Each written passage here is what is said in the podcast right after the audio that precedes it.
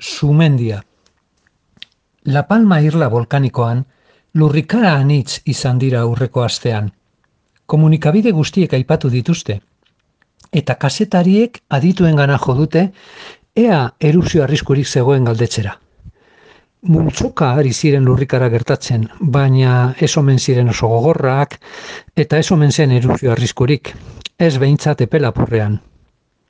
Eta ara non, Honelakoak aste osoan entzun ondoren, igandean bertan erupzio bortitza gertatzen dela palman. Gure jakintza zein mugatua den azaltzeko beste adibideetako bat baino ez da.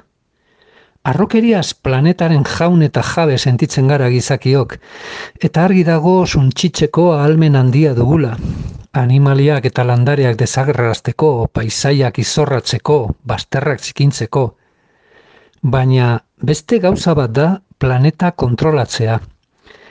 Eta planetan kontrola ezinak zaizkigun gauza ugari badira. Badira sumendiak, badira izurriteak, badira ekaitzak eta urakanak. Eta gauza batzuk, kontrola ezinagoak bihurtzen ari dira gizokion portaeragatik. Ondorio zuzenak datoz kliman, eta klimarekin batera bizitzaren berste arlo garrantzitsuetan.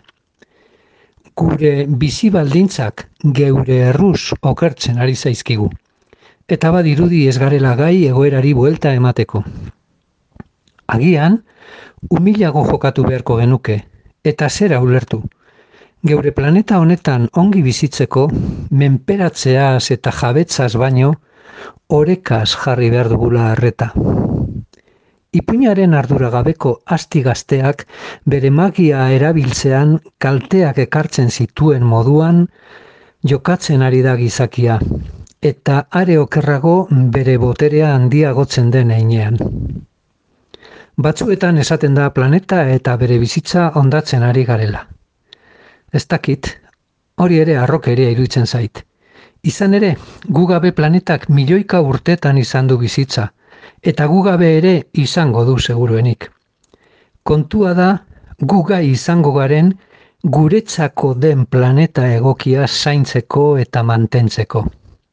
Izan ere, naturaren zati bat baino eskara, eta ekologia funtzean gure arazoa da, gizakiona.